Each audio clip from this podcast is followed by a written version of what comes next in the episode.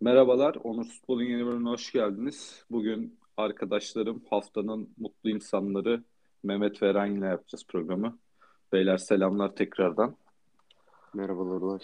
Selam Ulaş. Yani derbi haftası varken güncel maçtan gitmek olmaz. Trabzon maçını sonraya bırakacağız. Direkt Galatasaray-Fenerbahçe derbisine giriş yapalım. Önce tebrikler diyerek başlayayım size. Önemli bir derbi galibiyeti Fenerbahçe adına sezonun kırılma maçlarından biriydi kesinlikle. Gerek hoca gerek takımın ayağa kalkması açısından. Çok önemli bir galibiyet oldu. Maçı nasıl buldunuz? Önce Eren senle başlayalım. Daha teknik taktik. Daha sonra Mehmet'le devam ederiz. Ee, yani maç e, biraz beklediğim tarzda çok fazla pozisyon olmadığı böyle e, bir maç bekliyordum. Hatta bir 0-0 beraberlik bile e, iğrenç e, derbilerden bir tanesi olabileceği yönünde de düşüncelerim vardı ama e, kapılan toplarda çıkılan hızlı hücumlarla karşılıklı goller bulundu ilk yarıda. E, bu sayede de biraz daha keyifli bir maç maça dönüştü. E, Galatasaray öne geçmesi, Fenerbahçe'nin yakalaması. Ve Fenerbahçe açısından baktığımızda sezona ilk defa dörtlü savunmayla e, bir maça çıktı Pereira. Daha önceki maçların hiçbir tanesinde birkaç dakika bile olsa denememişti. E, son maç hariç. E, bir anda e, Ali Koç'un da ultimatomuyla Rıdvan Dilmen sportif direktörünün verdiği canlı televizyondan verdiği ultimatomlarla bir anda böyle bir şeye dönüştü. Hocanın kendi kararı mı yoksa neden böyle bir şey yaptı? Bunu önümüzdeki haftaki tercihlerini anlayacağız da maça dönersek yani Mesut Özil'in en uygun olduğu formasyonun bunun olduğunu zaten bütün dünyaya ispatlamıştı.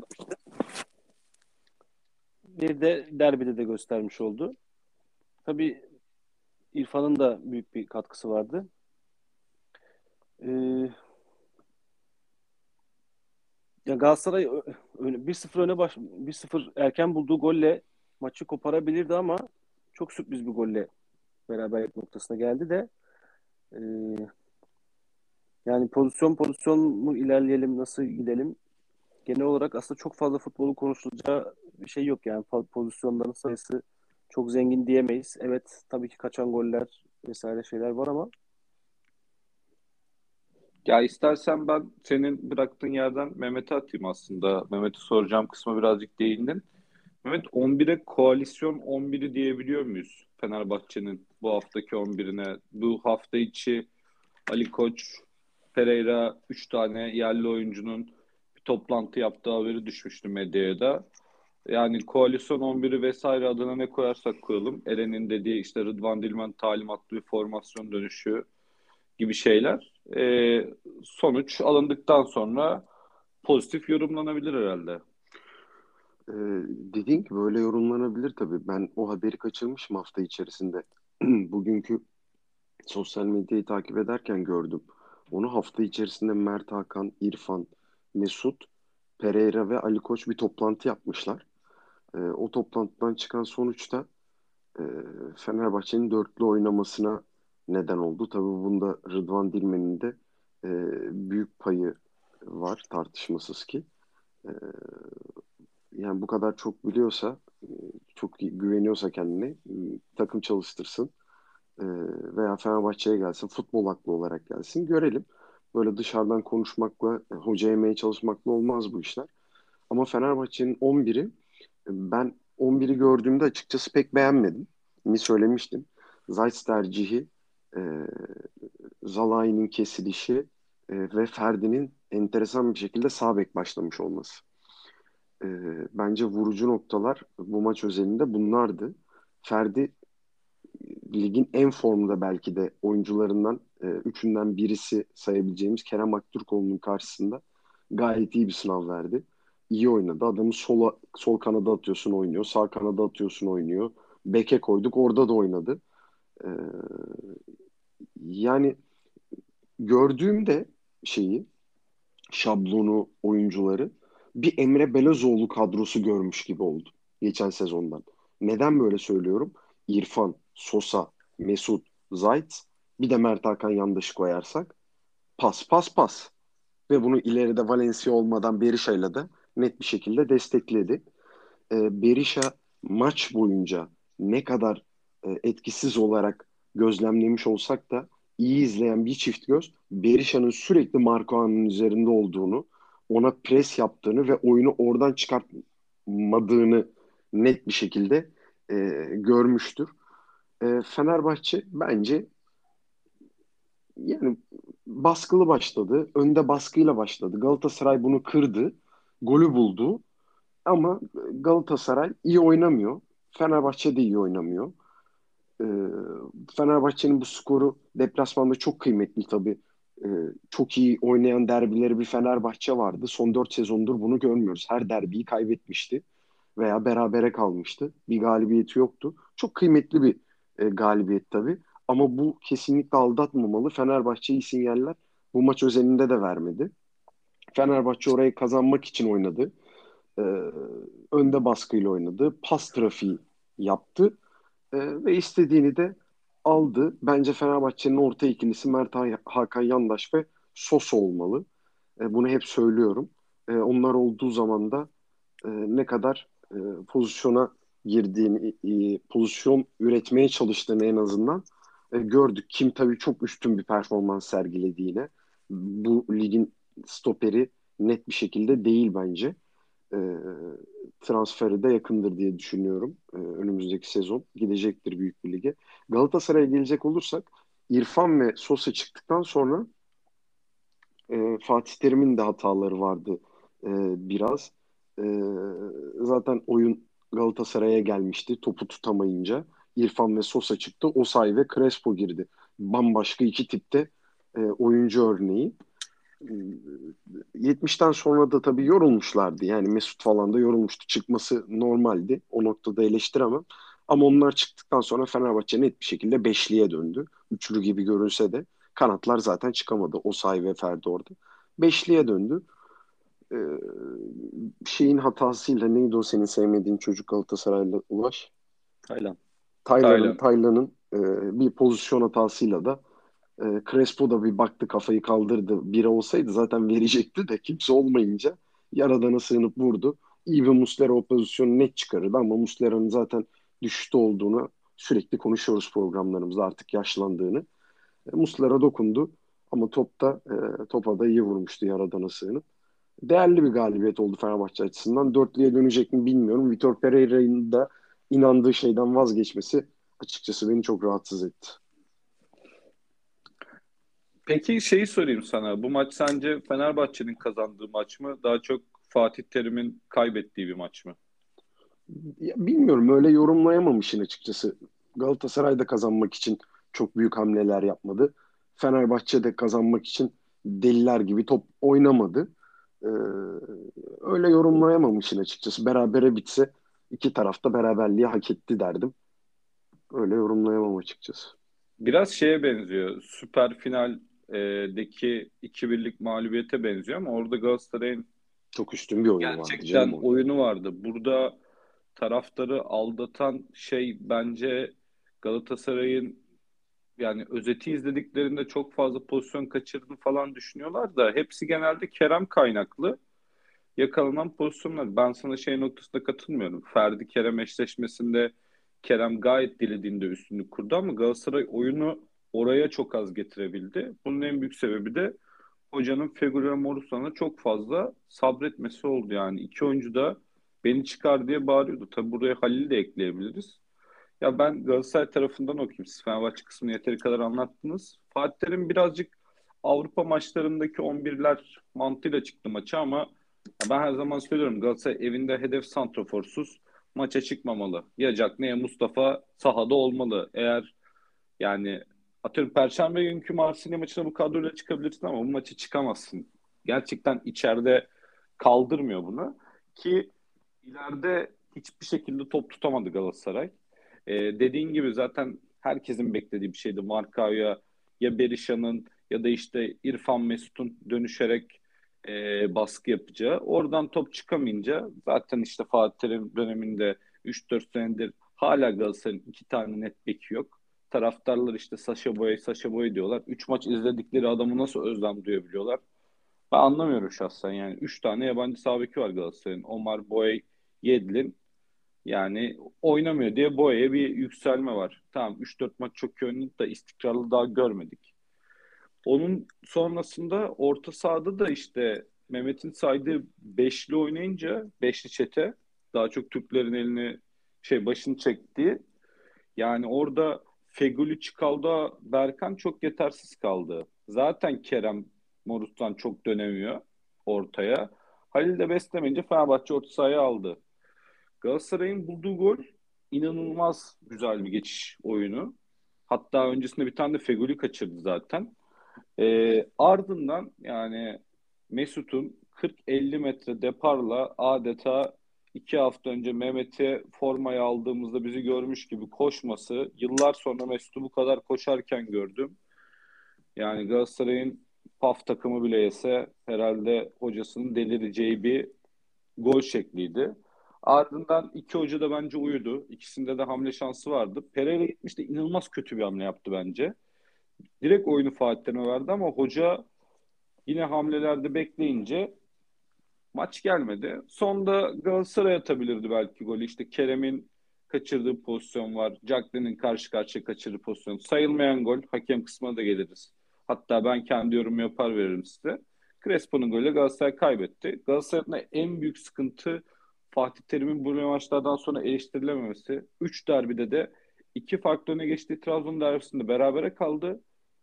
Bir farklı ilk golü buldu Beşiktaş ve Fenerbahçe derbilerinde kaybetti. Tamam genç takım vesaire de üçüncüsü de olmaz ki bu içeride olanı Fenerbahçe derbisi. Maç boyunca takım tecrübeli oyuncu aradı. Gerek Arda olur, gerek sağ bek Ferdi iken fizikle ezmesi için bu maçta Babel de olabilirdi. Her ne kadar yedirdiği golde yine PAF takımda oynayamayacak olsa Taylan Antalyalı'yla da başlayabilirdi. Ama bunlar eleştirilmiyor Galatasaray'da. Bir tane Asun Çağdiye ortası aldılar. Adını adını biliyoruz sadece. Bir defa sahada gördük yalandan. Başka göremiyoruz. Ya onun dışında Galatasaray'ın bu genç takımı Fatih Terim'in de bu kadar pasif olduğu maçlarda bu skorları alacaktır. Özellikle Avrupa maçı öncesi büyük bir moral kaybı oldu. Kerem'le Markao'yu çok beğendim. Fenerbahçe adına da Kim Minje zaten sahanın en yetenekli kesinlikle İrfan Can. Onun takımı kazandı. Hatta yorulup çıkmasaydı Galatasaray 70-90 arasında çok iyi oynayamazdı bence. E, Fenerbahçe için çok kritik galibiyet. Ali Koç yönetiminde ilk defa bir derbi hazırlandı. Çünkü milli maç arasında sürekli demek, sürekli takımla görüşme. Galatasaray cephesinde de sanki böyle milli maç sonrası Anadolu takımıyla oynayacak bir hava vardı. O havaya giren takımın daha çok Fenerbahçe olduğunu oyun coşkusundan da anlayabildik bence. Yani Galatasaray Ultra Aslanı'ndan yönetimine saçma sapan maçı hazırlanmış. Sağda Kim Min varken bir ay öncenin hype olmuş dizisi Squid Game'den koreografi ne alaka yani? Adama kapak olur sonra Fenerbahçe'nin Twitter hesabına girip girip bakarsın. Buradan hızlıca ben hakeme geçeyim. İlk Mehmet'e bırakacağım. Halil Mutmeler çok da kötü bir maç yönetmedi Galatasaray'ın abarttığı kadar. Hakemin en büyük hatası diyebileceği pozisyon e, Jacklin'in penaltı şey iptal edilen golüne itiraz edebilirler. Orada da hakem pozisyonu görmüyor. Var çağırır sonra foul verir. Bence Akın oyunda o kurallar dahilinde bir şarj. Onun dışında e, yine Galatasaray'ın itiraz ettiği pozisyon 94'teki o itme öyle bir penaltı yok. Tisserant'ın kırmızısı bence yanlış. Fatih Terim'in atılması %100 doğru bir karar. En çok atladığı karar da Markan'ın Ferdi'ye bastığı ikinci sarı. Bu şartlarda Galatasaray'ı nasıl hakem biçiyor? Ya Burak Elmas'la Necati Ateş almışlar Fatih Terim'in ellerine verdikleri metni. Onu okumuşlar. Ya burada hakemlik falan bir şey yok. Galatasaray kenar yönetiminin pasifliğinden kaybedilmiş bir derbi var. Böyle çok fazla teoriye de girmeye gerek yok deyip kazanan ekibe bırakayım. Kaybeden taraf olarak bu kadar konuştum. Bence yeterli. Senden devam edelim Mehmet istersen. Ya Fatih Terim'e mağlubiyet beğendiremeyeceğiz herhalde ya. Yani ben anlamadım arkadaş. İsyan niyeydi? Niye atıldı Fatih Terim ben anlamadım. Hangi pozisyona, hangi hakem kararına veya kulübedeki neyden rahatsız oldu Fenerbahçe kulübesinden de çıldırdı da atıldı. Neden görüntüsü, ya? Görüntüsü de yok. Bunun da golden sonra işte Berke koştu kulübe falan ta uzak çizgiye kadar falan koştu ya. Sana ya. mı soracağım kardeşim ya? Ama Sevinirken ola, sana mı soracağım? Olay da zaten oyuncular döndükten sonra falan oldu. Bence orada hakemin vermediği bir önceki kararda falan kaldı. Yaşlılık Ya, diyorum ben buna. e Bizim kardeşim ya bu, dediğim gibi. böyle bir şey yok ya. Böyle bir şey yok. Sana mağlubiyet mi beğendiremeyeceğiz ya? Sana oyun mu beğendiremeyeceğiz? Her derbide aynı pozisyona düşüyor yani. İsyan ediyor. Onu yapıyor, bunu yapıyor. Necati Ateş çıkmış. Her sene Kadıköy'de diyor zaten galip geliyoruz diyor. Geldiğimizde bakalım biz nasıl sevineceğiz diyor. Abartılı bir sevinç yaşadı futbolcular. Ya siz kimsiniz ya? Size mi soracağım ya? Nasıl sevineceğimi, nasıl kayacağımı, nasıl hareket çekeceğimi, deplasman tribünün önüne gidişimi. Sana mı soracağım bunların hepsini? Bunların hepsi kudurtmak için kardeşim. Bunların içinde bu var ya. Burak Elmas, ya koskoca Galatasaray Kulüp Başkanı çıkmış. Federasyondan yarın isteyeceğim şey randevu. Vermedi de zaten federasyon yarına verdi randevuyu. Gideceğim konuşacağım. Ya konuşsan ne olacak? Nerede yanlış var? Sen tek tek özetledin. Cagne pozisyonu hariç. Penaltı falan şey gol falan değil zaten. Orada foul var net bir şekilde. Hakan akan oyunda ha, var da fark etmez her türlü foul. Ya tek bir sıkıntılı kararı yok. Ha, Markao'nun tabii ilk yarı atılması gerekiyor.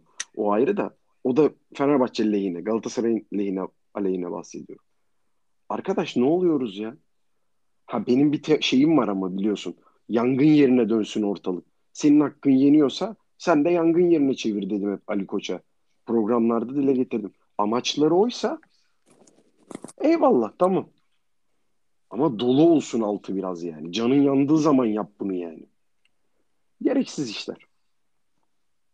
Ben katılıyorum sana burada. Bu maçtan sonra buna gerek yoktu. Ama işte hocanın maç sonu çıkamayacağı ortamda kimse çıkıp mağlubiyetin hesabını vermeyecekti. Hoca da çıksa vermeyecekti zaten. Bence bilerek attırdı kendini zaten. Bunun hesabını veremeyeceği için.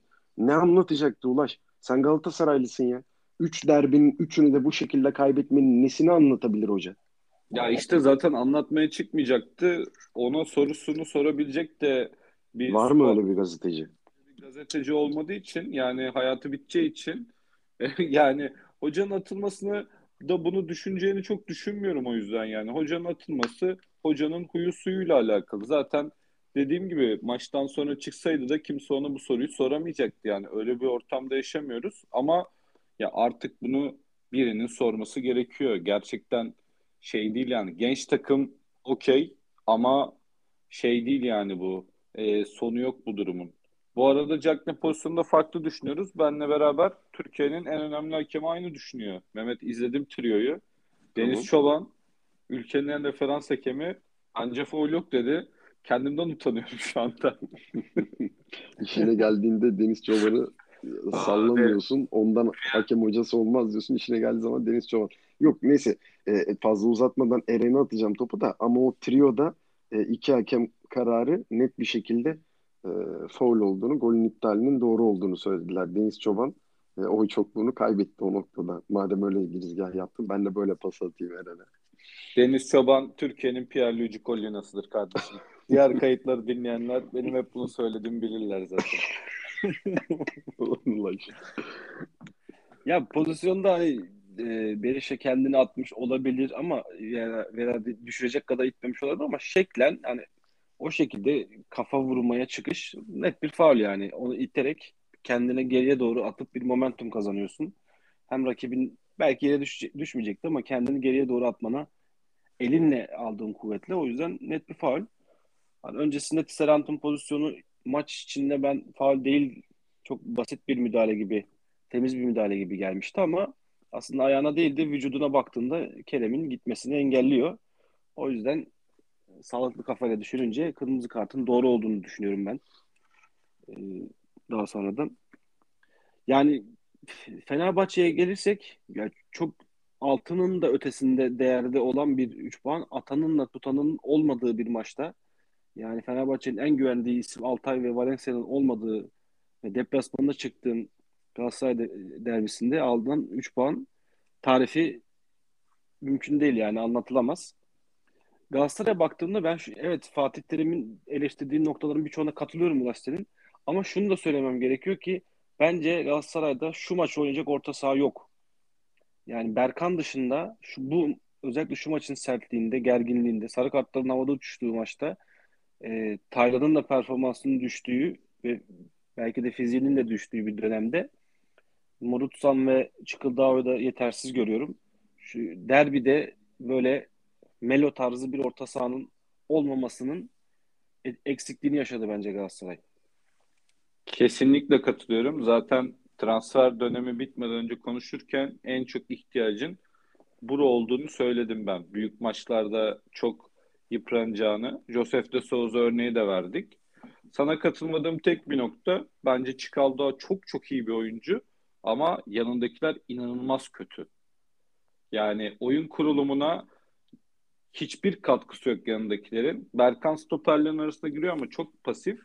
Sadece Çikaldo gelebiliyor. Yani devrede Galatasaray bir yere transfer yapacaksa kesinlikle doğru olması lazım. İki şey daha söyleyeceğim. Derbiyi uzatabiliriz. Bu haftanın kalan maçlarında çok bir malzeme de yok. Ee, Jackson oyuna girdikten sonra gerek iptal edilen golü, gerek bir tane kaçırdığı karşı karşı pozisyon, hatta Tisserand'ın atıldığı pozisyonu devam etse kimle girdiği mücadeleden bir Penaltı şeyler de çıkıyor. çıkarabilirdi. Penaltı çıkacak oradan belki de. Hakem orada da bir durdurdu oyunu.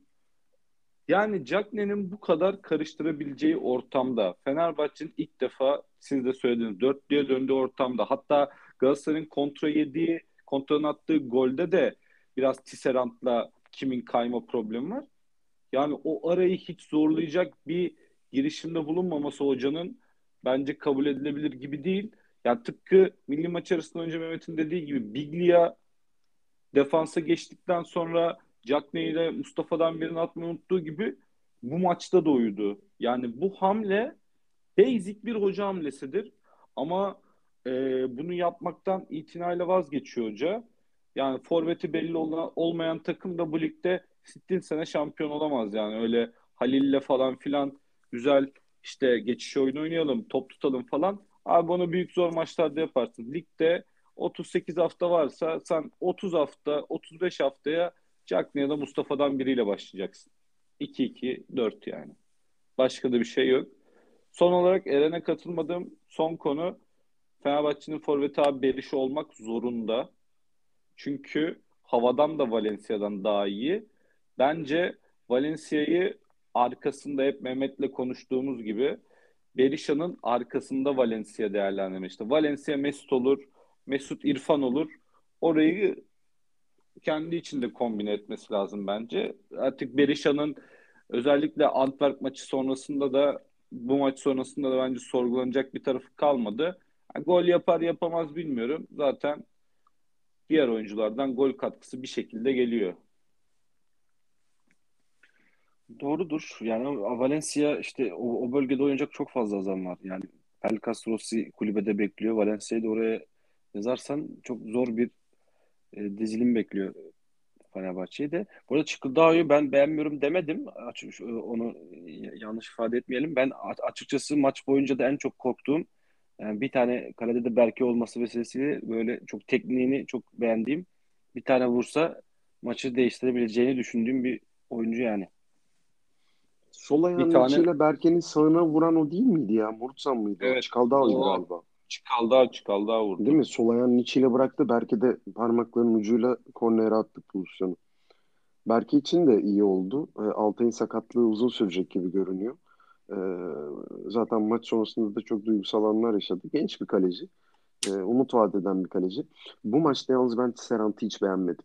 Sanki üçlü oynuyormuş gibi yediğimiz ilk golde yani yediğimiz golde de Tisserant'ın hatasıydı. Gitti. Anlamsız bir şekilde orada Kerem'e basmak istedi üçlü oynarken bunu yapıyorlardı solda. Zalai sağda Tisserand. Gustavo geriye giriyordu çünkü. Kimle kalıyordu. Tisserand sanki üçlü oynuyormuş gibi birkaç pozisyonda yaptı bunu. Ee, eğer dörtlüye dönecekse tartışmasız tandem Zalai kim olmalı? Ee, şeyde orada hata yaptı Pereira'da. Tisserand başlangıcıyla. Valla bence Serdar kim bile olur Mehmet. Neden diyeceksin? e, hava toplarına hakim bu ikisi bence takımda bir iki numaralar. Artık Zalai'nin geriden oyun kurmasına da ihtiyacı yok Fenerbahçe'nin. Çünkü o görevi oynadığı sürede Sosa yapacak zaten savunmanın arasında kendini atıp.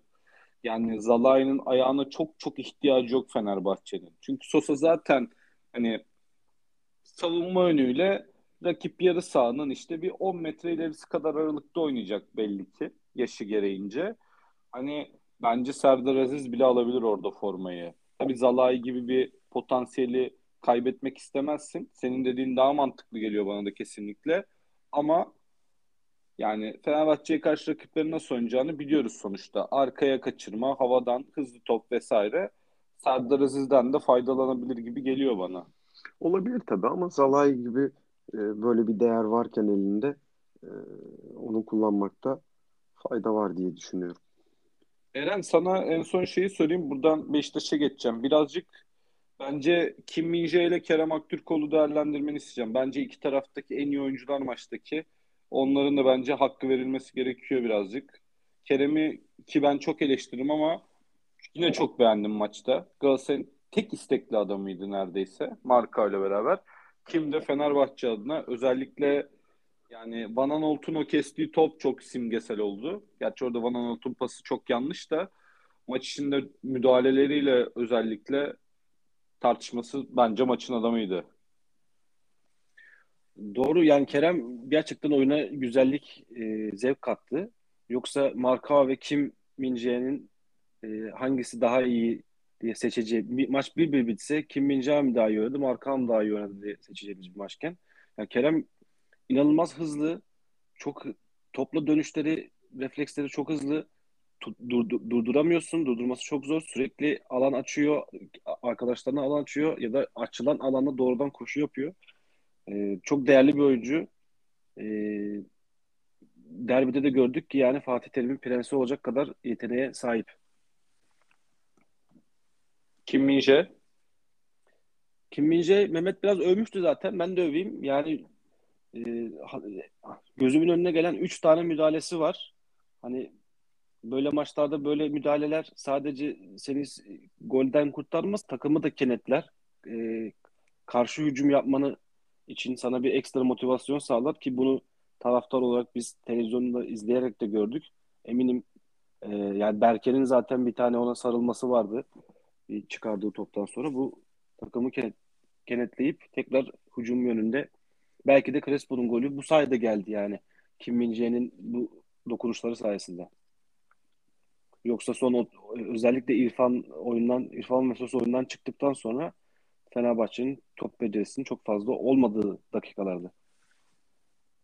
Yani Mehmet var mı son ekleyeceğim bir şey derbiye dair? Yok abi. Sen bu derbiyi ne olarak adlandırıyorsun? WhatsApp'ta yazmıştın. Şey, Zippo derbi. Aynen. Ha bak ona hiç değinmedik ya. Yani taraftar gerçekten çok kötüydü ya. Ben sana kısa bir şey sorayım. E, Galatasaray para cezası mı alır? Maç cezası alır mı? Bir de Fatih Terim kaç maç ceza almasını bekliyorsun? Sence ne alır mesela? Sen söyle bana bir Galatasaraylı olarak. Ne gelmeli Bence ceza? Para cezası mı gelir? Kapatma mı gelir? İki maç alır. Türbün, türbün kapama cezası alır. Çünkü kale arkasından bir şey gelmedi çok herhalde. Doğu ya da batı türbün olması lazım. Bence türbün kapama yapılabilir yani. Abi, tüm stat kapanır bunu, mı? Çünkü bunu, şeyden dolayı bunların söylüyorum. önünü açmamak lazım Ulaş. Ya, önünü açmak lazım. Zaten ilk seyircili maç. Full kapasite. Hani o yüzden çok şey yapamıyorum Ama Galatasaray'ın yani. genlerinde olan bir şey. Ne alakası var canım ya? Hayır hayır. Şöyle bir şey var yani. Çok küfür anlamında çok küfür edilen tribünden bir şey. Sadece sahaya atılan madde var. O da benim gördüğüm belli tribünlerden. Eğer tribün kapama yaparlarsa yaparlar ama diğer türlü ya bir maç ceza aldığı haberi görsem çok şaşırmam. Galatasaray da bir maç alacak. Şey Fatih Terim de bir maç ceza alacaktır yani. Daha fazlası olmayacaktır. Gerçi konu Fatih Terim olunca Sergen Yalçın örneğinde vermiştim. Fatih Terim olunca üst sınırlar devreye giriyor diye. Ama tahminimce bir maç alır diye düşünüyorum. Fikstüre bağlı abi. Bir en kritik maç ne zaman? Mesela bakıyorum ba- Başakşehir maçı var. iki hafta sonra. Sivas maçı var ondan sonra. Yani Sivas maçını çok kritik görmezlerse yok üç maç varmış pardon. Yok yok çok da bir şey yok. Bir maç yani geçtirirler. Bu arada yani Galatasaray ve Fenerbahçe de çok zor fikstürlere giriyor Avrupa ile beraber zirveden daha da uzaklaşabilirler. Çok büyük tehlike bekliyor noktada. Eren'in dediği Galatasaray'ın işte Başakşehir Sivas'ı var. E, Fenerbahçe'nin de bu 5 haftada galiba Karagümrük ve Beşiktaş maçları var. Göztepe deplasmanı zaten haftaya. E, çok yani Trabzon'a geçeyim buradan. Beşiktaş'a geçecektim ama e, Trabzon daha da uzayabilir. Bugün de 3-0'lık bir galibiyet aldı Trabzonspor. Yani maçı bölü, bölüm bölüm izledim ama maç zaten dördüncü dakikada bitti yani. Suat Arslanboy'u tebrik ediyorum. Orada Vitor Hugo'yu nasıl atmıyorsun abi? Diko'nun pozisyonunda. Galiba döndü sonra Diko'ya kendine yere yattığı için sarı kart falan gösterdi ya da itirazdan. Hani pozisyonun sadece video kısmını izleyebildim. Zaten ilk gelen gol Abdülkadir'in attığı Güney'in hatası gelen bir gol. Ama üçüncü gol golden önce yine Vitor Hugo'nun penaltısı var Diko'ya. Yani zaten Twitter'dan falan ilk yeri daha çok takip ettim. Daha çok hakemin konuşulduğu bir maç.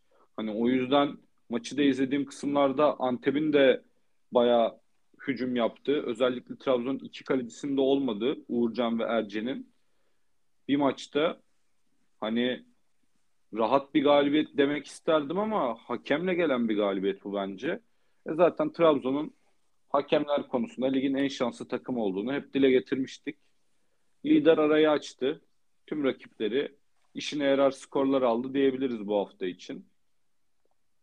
Ne düşünüyorsunuz? Sizin maçı takip etme fırsatınız oldu mu Mehmet? En azından videoları ben gruba atmıştım. Oradan Hı-hı. izleyebildin sanırım. Ya ben zaman zaman izledim maçı.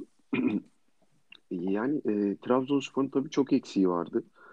E, başta Bakasetas galiba bir süre daha olmayacak. E, sonrasında Cervinho'yu zaten kaybetmişlerdi. Oraya şimdi e, bir devşirdiler. Canini'ye döndüler kanatta. Cornelius'u ileride kullanıyorlar. E, bugün ikisi de çok etkili e, oynadılar ileride topla buluştuklarında. E, gollerini de attılar zaten. E, yani ama dediğin gibi hakem üzerinden net bir şekilde okunabilecek bir maç. Dördüncü dakikada tabii e, kırmızı kart e, gelmeyince daha sonrasında da ya o şey çok önemli ya. Hani Trabzon maçında da söylemiştim ya Fenerbahçe. Kararları istediğiniz gibi tartışabilirim. Burada bir sorun yok. Ama hakemin sana anlatmak istediği şey veya vücut dili e, sana zaten bir şeyleri belli ediyor.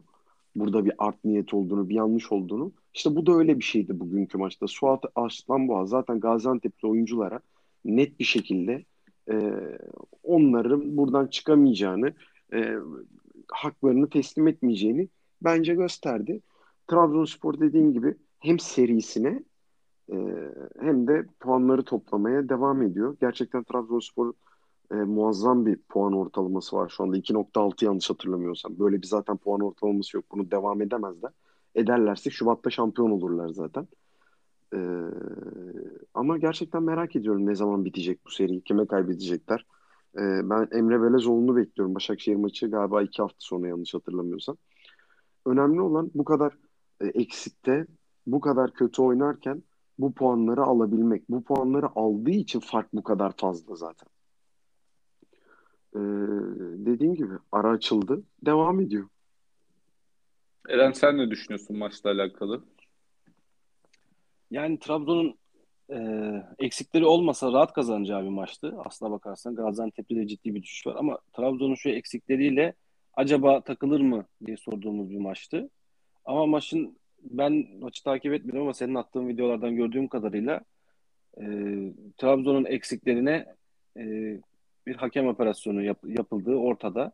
Hani işte maçın 6. dakikasında 3. kaleci hem de 10 kişi mücadele etmesin isteyen e, Suat Arslanboğa maçı e, 3-0 gibi net bir skorla Trabzon'un lehine çevirmesine sebep oldu. Çünkü o dakikadan sonra biz de biliyoruz ki öyle bir pozisyonda sen alamamışsan oradan kırmızı kartı oradan dönüp de oyuna motive olup da maçı kazanman çok çok zor yani.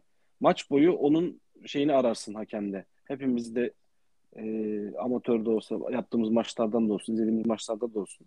Hep sanki hakem sana karşı bir duvarmış gibi görürsün. Onu yıkmaya çalışırsın. Bu da işlerini çok daha zorlaştırır. Öyle bir maç olmuş anlaşılan. Gaziantepspor'un da gidişi pek hoş değil ama neyse ki daha kötü takımların var olması e, bizi de ayakta tutuyor diyeyim. Eren gerçekten Erol Bulut'u ne kadar sevmiyorsan bir Antepli olarak maça ancak bu kadar itidalli yaklaşılabilirdi. Seni tebrik ediyorum kanka. Oraya çok girmek istemedim Erol Bulut'a. Yani bir Trabzon'u yeniyordu. Onu da beceremedi. Kırgınım. Buradan Beşiktaş Antalya maçına geçiyorum direkt. Yani o da çok konuşulacak bir maç değil. Beşiktaş'ın çöküşü devam ediyor. Yani hafta sonu galiba genel kurul vardı. Fikret Orman falan konuştu. Ahmet Nurçevi vesaire. Beşiktaş'ın borcu vesaire zaten ayyuka çıkmış durumda. Yine bir feda ortamı var takımda.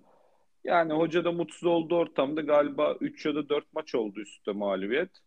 Yani bir iki maçta böyle devam ederse hoca usulca bence bu enkazla çok uğraşmaz. Şenol Güneş gelir diyorum Beşiktaş'a. Benim tezim bu. Çok da yanlış olur. Hani Sergen Hoca belli ki mutsuz olduğu ortamda çalışamıyor. Yani devrede yaptığı Pjanic Atiba çıktı galiba Pjanic'le beraber yanlış hatırlamıyorsam. Takıma mesaj değişikliği ama mesaj iletilemedi kesinlikle. Özellikle Gezal'ın çok düşük bir performansı var bu sene. Yani o 3 senelik kontrat artı alınan bonservis Beşiktaş'ın ileriki yıllarda kabusu olabilir eğer oyuncu toparlanamazsa bir şekilde. E, Alanya açısından da çok hak edilmiş bir galibiyet. Yani hakem kararını o Vida'nın değdiği pozisyonun gol iptaline rağmen tamamen maç konsantrasyonunu kaybetmedi. Ben Fenerbahçe deplasmanında çok kötü bulmuştum Bülent Hoca'nın taktiğini. Bu kadar top yapabilen takıma neden böyle bir oyun oynattı diye. Skoru almasına rağmen o gün. Ama evinde oynadığı maçta daha bir e, hücum düşüncesi vardı takımda. Yani daha bir galibiyet ne kadar hak edilebilir bilmiyorum. Beşiktaş'taki çöküşü de e, tescillemiş oldu. Mehmet takip edebildin mi maçı? Beşiktaş'ı nasıl buldun? Evet maçı takip edebildim. Sergen Yalçın formsuzluğu ve takımın formsuzluğu devam ediyor. Sergen Yalçın maçtan sonra zaten e, topu oyunculara attı. Sorumluluğu ben almıyorum. E, sahada isteksiz görüntü çizdiler. Yürüyen bir takım vardı dedi. Takımı da satmış oldu bu noktada. Ama kesinlikle haklı. E, Şampiyonlar Ligi'nden sonra takım hiçbir şekilde lige e, motive olamıyor, konsantre olamıyor. Sergen Hoca da zaten çok formsuz. E, yani Kenan Karaman ısrarı aynı milli takım hocamızın olduğu gibi Sergen Yalçın'da da devam ediyor. Ama Sergen Yalçın, şey Kenan Karaman yine hiçbir şey vermemeye devam ediyor. E, bir Güven Yalçın var formda. Hoca niye ısrarla e, oynatmıyor? E, anlayabilmiş kesinlikle değilim. Alanya'nın hakkını da Bülent Hoca'nın hakkını da teslim etmek lazım. Geldiğinden beri Alanya'yı e, başka bir noktaya getirdi. E, hem oyununu hem puan olarak. Şu anda ligde dördüncü sırada ve liderin sadece altı puan gerisinde.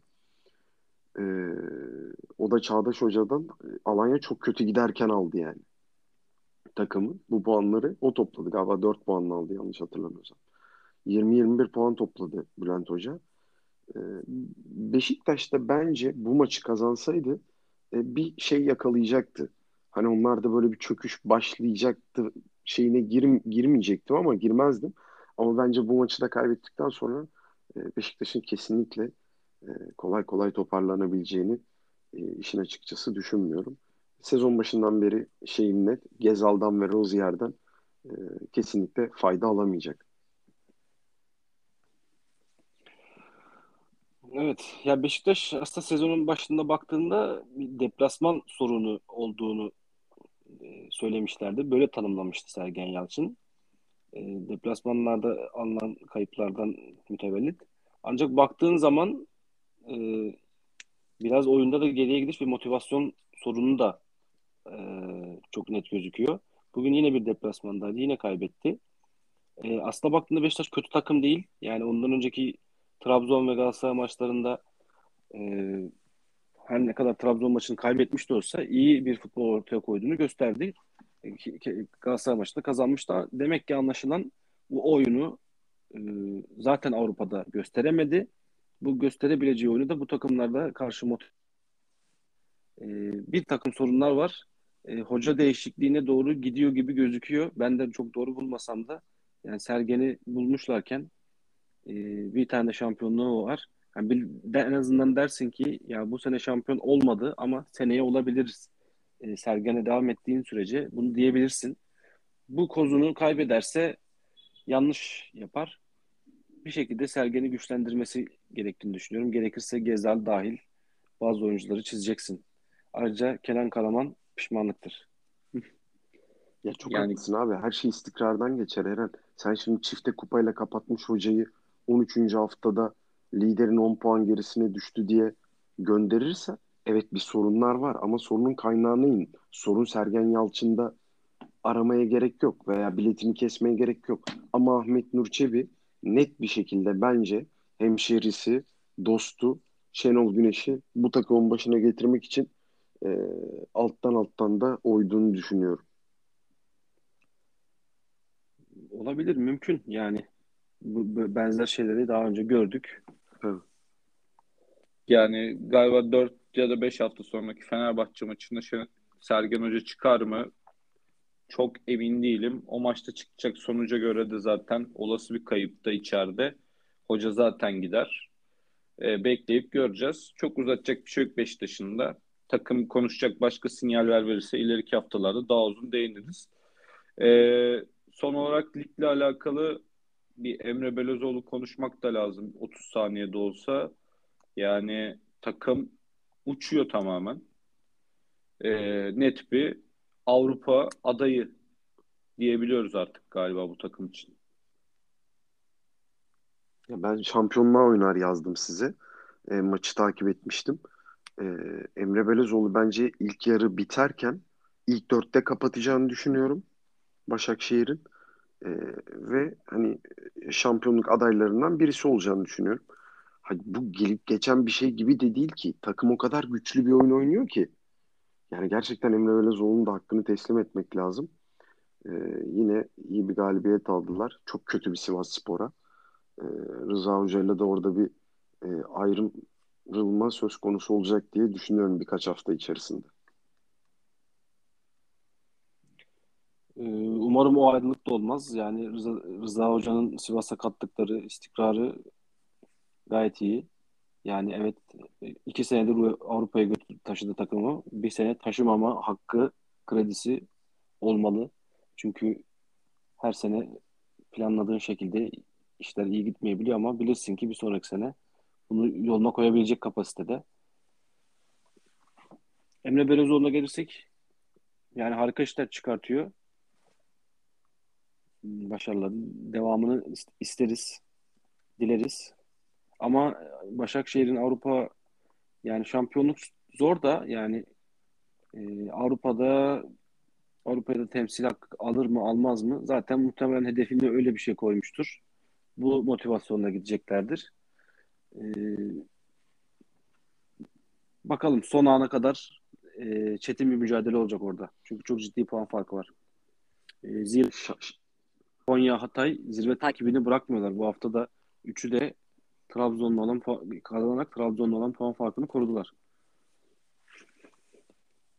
Evet yani şampiyonluk tabii ki de zor ama e, bu oyunuyla bu güçlü oyunuyla kendilerini kendisini yukarıya atıp yine şampiyonluk adaylarından biri olacağını e, söyledim ben. Yani Trabzon, Beşiktaş, Fenerbahçe, Galatasaray biraz toparlayabilirse kendini yukarılara gelip yukarısını karıştıracaktır diye düşünüyorum. Yani o 6 7 8 gitmeyecektir diye düşünüyorum Başakşehir'in işin açıkçası. Yani Fenerbahçeli Fenerbahçeli Trabzon'dan daha yeni şampiyon olmuş bir takım yani Başakşehir. Öyle de bir şey var. Camiada değişen çok büyük dengeler yok yani. Sadece hoca değişikliği var. Şampiyon kadrodan da yine Volkan Babacan, Epriano, Kaysara, Mahmut Tekdemir, işte Visca var hala. Gulbransan da vardı zannedersem şampiyon kadrodan. E, iskelete yardımcı olacak isimler var yani burada şey değil hani benim e, yukarılarda kalır deme sebebim birazcık oraya yaşamış bir insan e, grubu var. E, zaten hoca da zaten Türkiye'de kazanmadığı şey kalmayan bir kişi oyuncuyken gerek Galatasaray gerek Fenerbahçe döneminde. E, Sivas'la ilgili de en büyük sorun atanlı tutan atan ve tutanın dediğim gibi belli olmaması. Bir hafta Muammer Ali Şaşal kaleci problemi devam ediyor. Bir yanda Yatabari sakat, Kayo çok formsuz bu sene. Orada bir devre arası transfer bence beklenecektir. Ee, Rıza Hoca kesinlikle gitmemeli yani. Ligin hoca kıyımına karşı yıkılmayan kalesi. Umarım öyle bir haber görmeyiz ama Rıza Hoca'nın da şu maçtan sonra çıkıp hakemlerle ilgili konuşması büyük terbiyesizlik yani. Hiç gerek yok hocam yani. Takım top oynamıyor. Tabii. Ee, buradan ligi kapattık diye düşünüyorum. Var mı ligin Ya, kalanıyla ilgili ekleyeceğiniz bir Çok şey? kısa bir şey söyleyeceğim. Size de yazmıştım. Maçı izleme imkanı buldum. Hatay Spor Antalya Spor maçını. Çok güzel bir maç oldu. Ee, bu şimdi öyle tabir ediyorlar galiba. Z kuşağı hoca diyorlar bu yeni hocalara. İşte Ömer Erdoğanlar, Emre Belezoğlu, Nuri Şahin, İlhan Palut. Ya bunlar gerçekten e, çok yetenekli, çok iyi hocalar. Hatay Antalya maçında da Nuri Şahin üçlü oynamayı tercih ediyor. Çok iyi bir oyun ortaya koyuyor ama onlarda da bitiricilik problemi var. Antalya çok iyi bir ilk yarı geçirdi ama Hatay Spor'da Ömer Erdoğan da öyle iyi bir geçiş oyunu e, dersi verdi ki Nuri Şahin'e bir anda maçı getirdi. Nuri Şahin'in iyi oyununa, hamlesine karşılık Ömer Erdoğan da bir hamle yaptı ve maçı kazandı. Gerçekten bunları izlerken gurur duyuyorum. E, ve inşallah bozulmadan aynı şekilde istikrarlı bir şekilde devam etmelerini ümit ediyorum. Güzel. Keşke puan odaklı değil de oyun odaklı hocalar tercih edilse ve bu hocalara e, daha uzun süre şans verilse hepimizin görmekten keyif aldığı ya da takip etmekten daha çok keyif aldığı bir lig, lig haline dönüşürüz. Şu anda ligde bence bu hoca sayısı fena değil yani. Ee, şey, e, kasap hoca olarak böyle otobüs çeken hoca sayısı çok yok en azından. Ligin gördüğü en normal dönem olabilir. Hani Erol Hoca var. İşte Hikmet Hoca falan mesela top oynatmaya çalışıyor. Göztepe'nin hocası da yine benzer şekilde. Giresun'umuzun hocası Hakan Zaten Hoca da şey. Aynen top oynama. Birazcık işte Rıza Hoca ve Erol Hoca burada dengeler bozuyor. Onlar da toparlayacaktır. Şu anda en azından daha akbabaların geldiği bir lig değil. Hani dediğiniz gibi? Mehmet'in bahsettiği Nuri, Nuri Şahin, Ömer Erdoğan. Pozitif oyunda bence yine Bülent Korkmaz, İlhan Palut da sayılabilir. Zaten Emre Belezoğlu, Sergen Yalçın futbolcu olarak da bunlardan daha üst seviyelerde. Ee, güzel bir noktada bence yani maçları izlerken çok çok sıkıcı bir maç. Yani Yeni Malatya Spor maçı izlemiyorsan eğer o da haftaya Galatasaray'la oynuyor. Pek bir sıkıntı yok yani. 2-3 takım var. Buradan e, şeyleri sorayım size. Fener, Olympiakos, Galatasaray, Marsilya maçlarından ne bekliyorsunuz?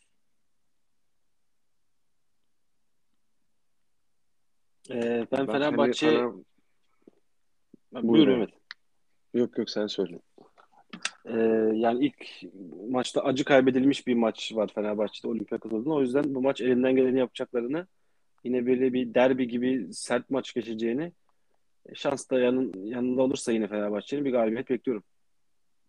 Galatasaray, Marsilya. Galatasaray şuradan toparlanması çok zor. Ee, Marsilya istediğini alır. En iyi ihtimal beraberlik. Beşiktaş Kaç? Beşiktaş İki handikap. yani Beşiktaş yani Ajax'ın gollerini saysın bence yani Beşiktaş Buradan sıfır çekecek maç- grupta gerçekten. maçı maçı ne olacak diye düşüneceğini Ajax'ın gollerini izlemeyi İnönü'yle gidip izlemelerini tavsiye ederim. Abi Dortmund'da bile Ben de. 4-5 tane atmış bir takımdan bahsediyoruz yani. Tabii tabii canım. Kesinlikle öyle. Beşiktaş sıfır çekecektir zaten canım. Şu gruptan mümkün değil yani. Ben de Fenerbahçe'nin e, ilk maçta e, ağır bir mağlubiyet alsa da Olympiakos'a o maç iyi bir oyun ortaya koymuştu. E, defans arkasına atılan birkaç top e, Fenerbahçe'yi sıkıntılı durumlara düşürmüştü. İstekliydi. Ben berabere biteceğini düşünüyorum bu maçın. E, Galatasaray'ın da Eren'e son derece hak veriyorum. Toparlayabileceğini düşünmüyorum. Marsilya kazanacaktır maçı. Ben de Galatasaray maçı berabere biter. Fenerbahçe maçı da o da berabere biter gibi geliyor. Beşiktaş'ta gollü bir maç bekliyorum Beşiktaş maçında ya. Açık oyun. Yani böyle bir 3-1 falan Ajax alabilir gibi düşünüyorum. Kapatmadan geçen hafta şey demiştik. Her hafta bir güncel e, konuşmak istediğimiz konudan bahsedeceğiz diye. Ya bu haftaki 5 dakika konuşmayız ama Abi Boji videosu hakkında ne düşünüyorsunuz? Metrodaki olay. Fenerbahçe yapılmış bir algı operasyonu da olabilir. Yapan insan neden yapar? Onu yayan insan neden yayar? Gerçekten çok bilinmezli bir denklem bende bu. Yorumlarınızı merak ediyorum.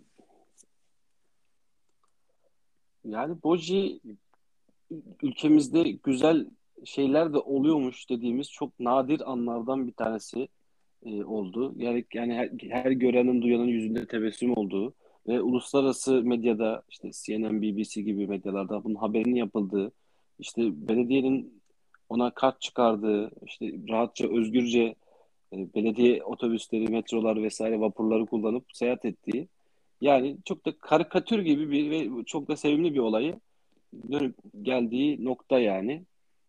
Ee, insanların ne alıp veremediği var bu köpekle. Gerçekten anlayabilmek çok zor. Bir yani, köpekten son... bile ne istiyoruz değil mi? Yani nasıl bir medet umuyoruz Eren? Yani ne hale geldik değil mi? Şimdi onu yapan adam e, yani haberi şimdi gözümün önüne geliyor. E, İstanbul'da toplu taşımada köpeği, Boj, İstanbul'un köpeği Boji'nin yaptığı falan diye böyle bir fotoğraf deli gibi böyle. Ya acı olabilir. E, görevliler temizlerler. Bir saat içerisinde orayı bir dezenfekte ederler.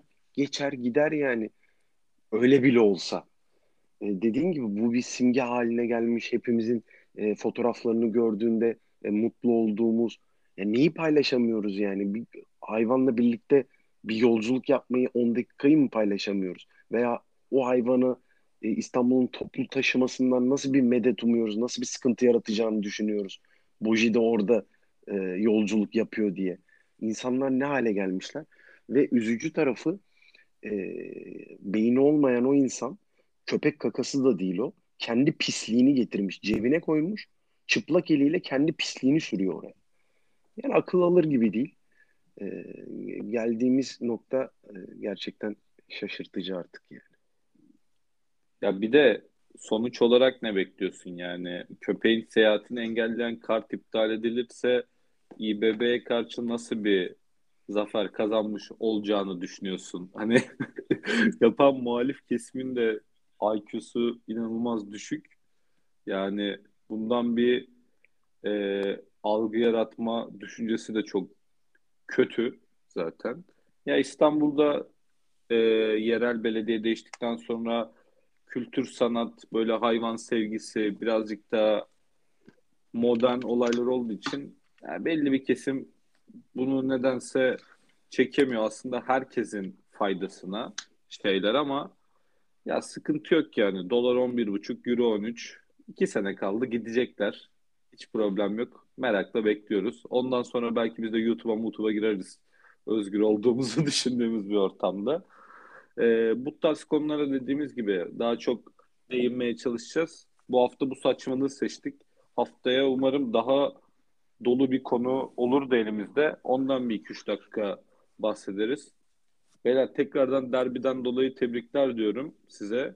E, Mesut forması aldığım ve Kadıköy'de o görüntüleri verdiğim için de gerçekten utanıyorum. Net bir büyücü hamlesi gibi oldu.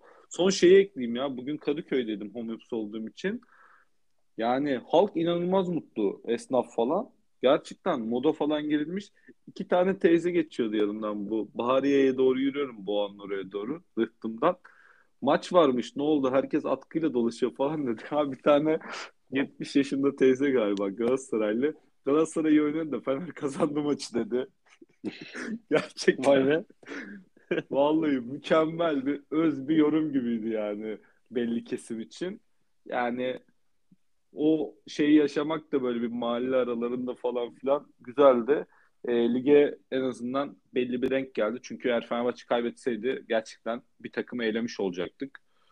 E, lig denkleminden. Kalan haftalarda yine ligle ilgili konuşuruz. İsterseniz ufak kapanış cümleleri siz de söyleyin. Ardından kapatayım ben. Ee, yani Fenerbahçe özlemişti. Ee, Kadıköy'deki o hareketlilik, o mutluluk e, gayet doğal. E, Ali Koç'un da ilk derbi galibiyeti oldu. Dördüncü sezonu yaşadığımızı düşünürsek dört sezondur bunları hasrettik. Açıkçası hiç beklemediğim bir galibiyet oldu. E, çok mutluyuz elbette ki. Ee, güzel program oldu. Ağzınıza sağlık beyler. Evet. Güzel hisler. Yani sabah oldu. Da- nezaketin için teşekkür ederim. Hem bizi tebrik ettin hem de e, bir derbi ertesi gözünü Kadıköy sokaklarında açtın. E, Son olarak da cebinde bok olup bok olanların gündemi belirlemediği bir ülke dileğiyle diyorum. Güzel kapanış. Programı e, yarın erken saatlerde koymaya çalışacağım. Ağzınıza sağlık. Görüşmek üzere haftaya.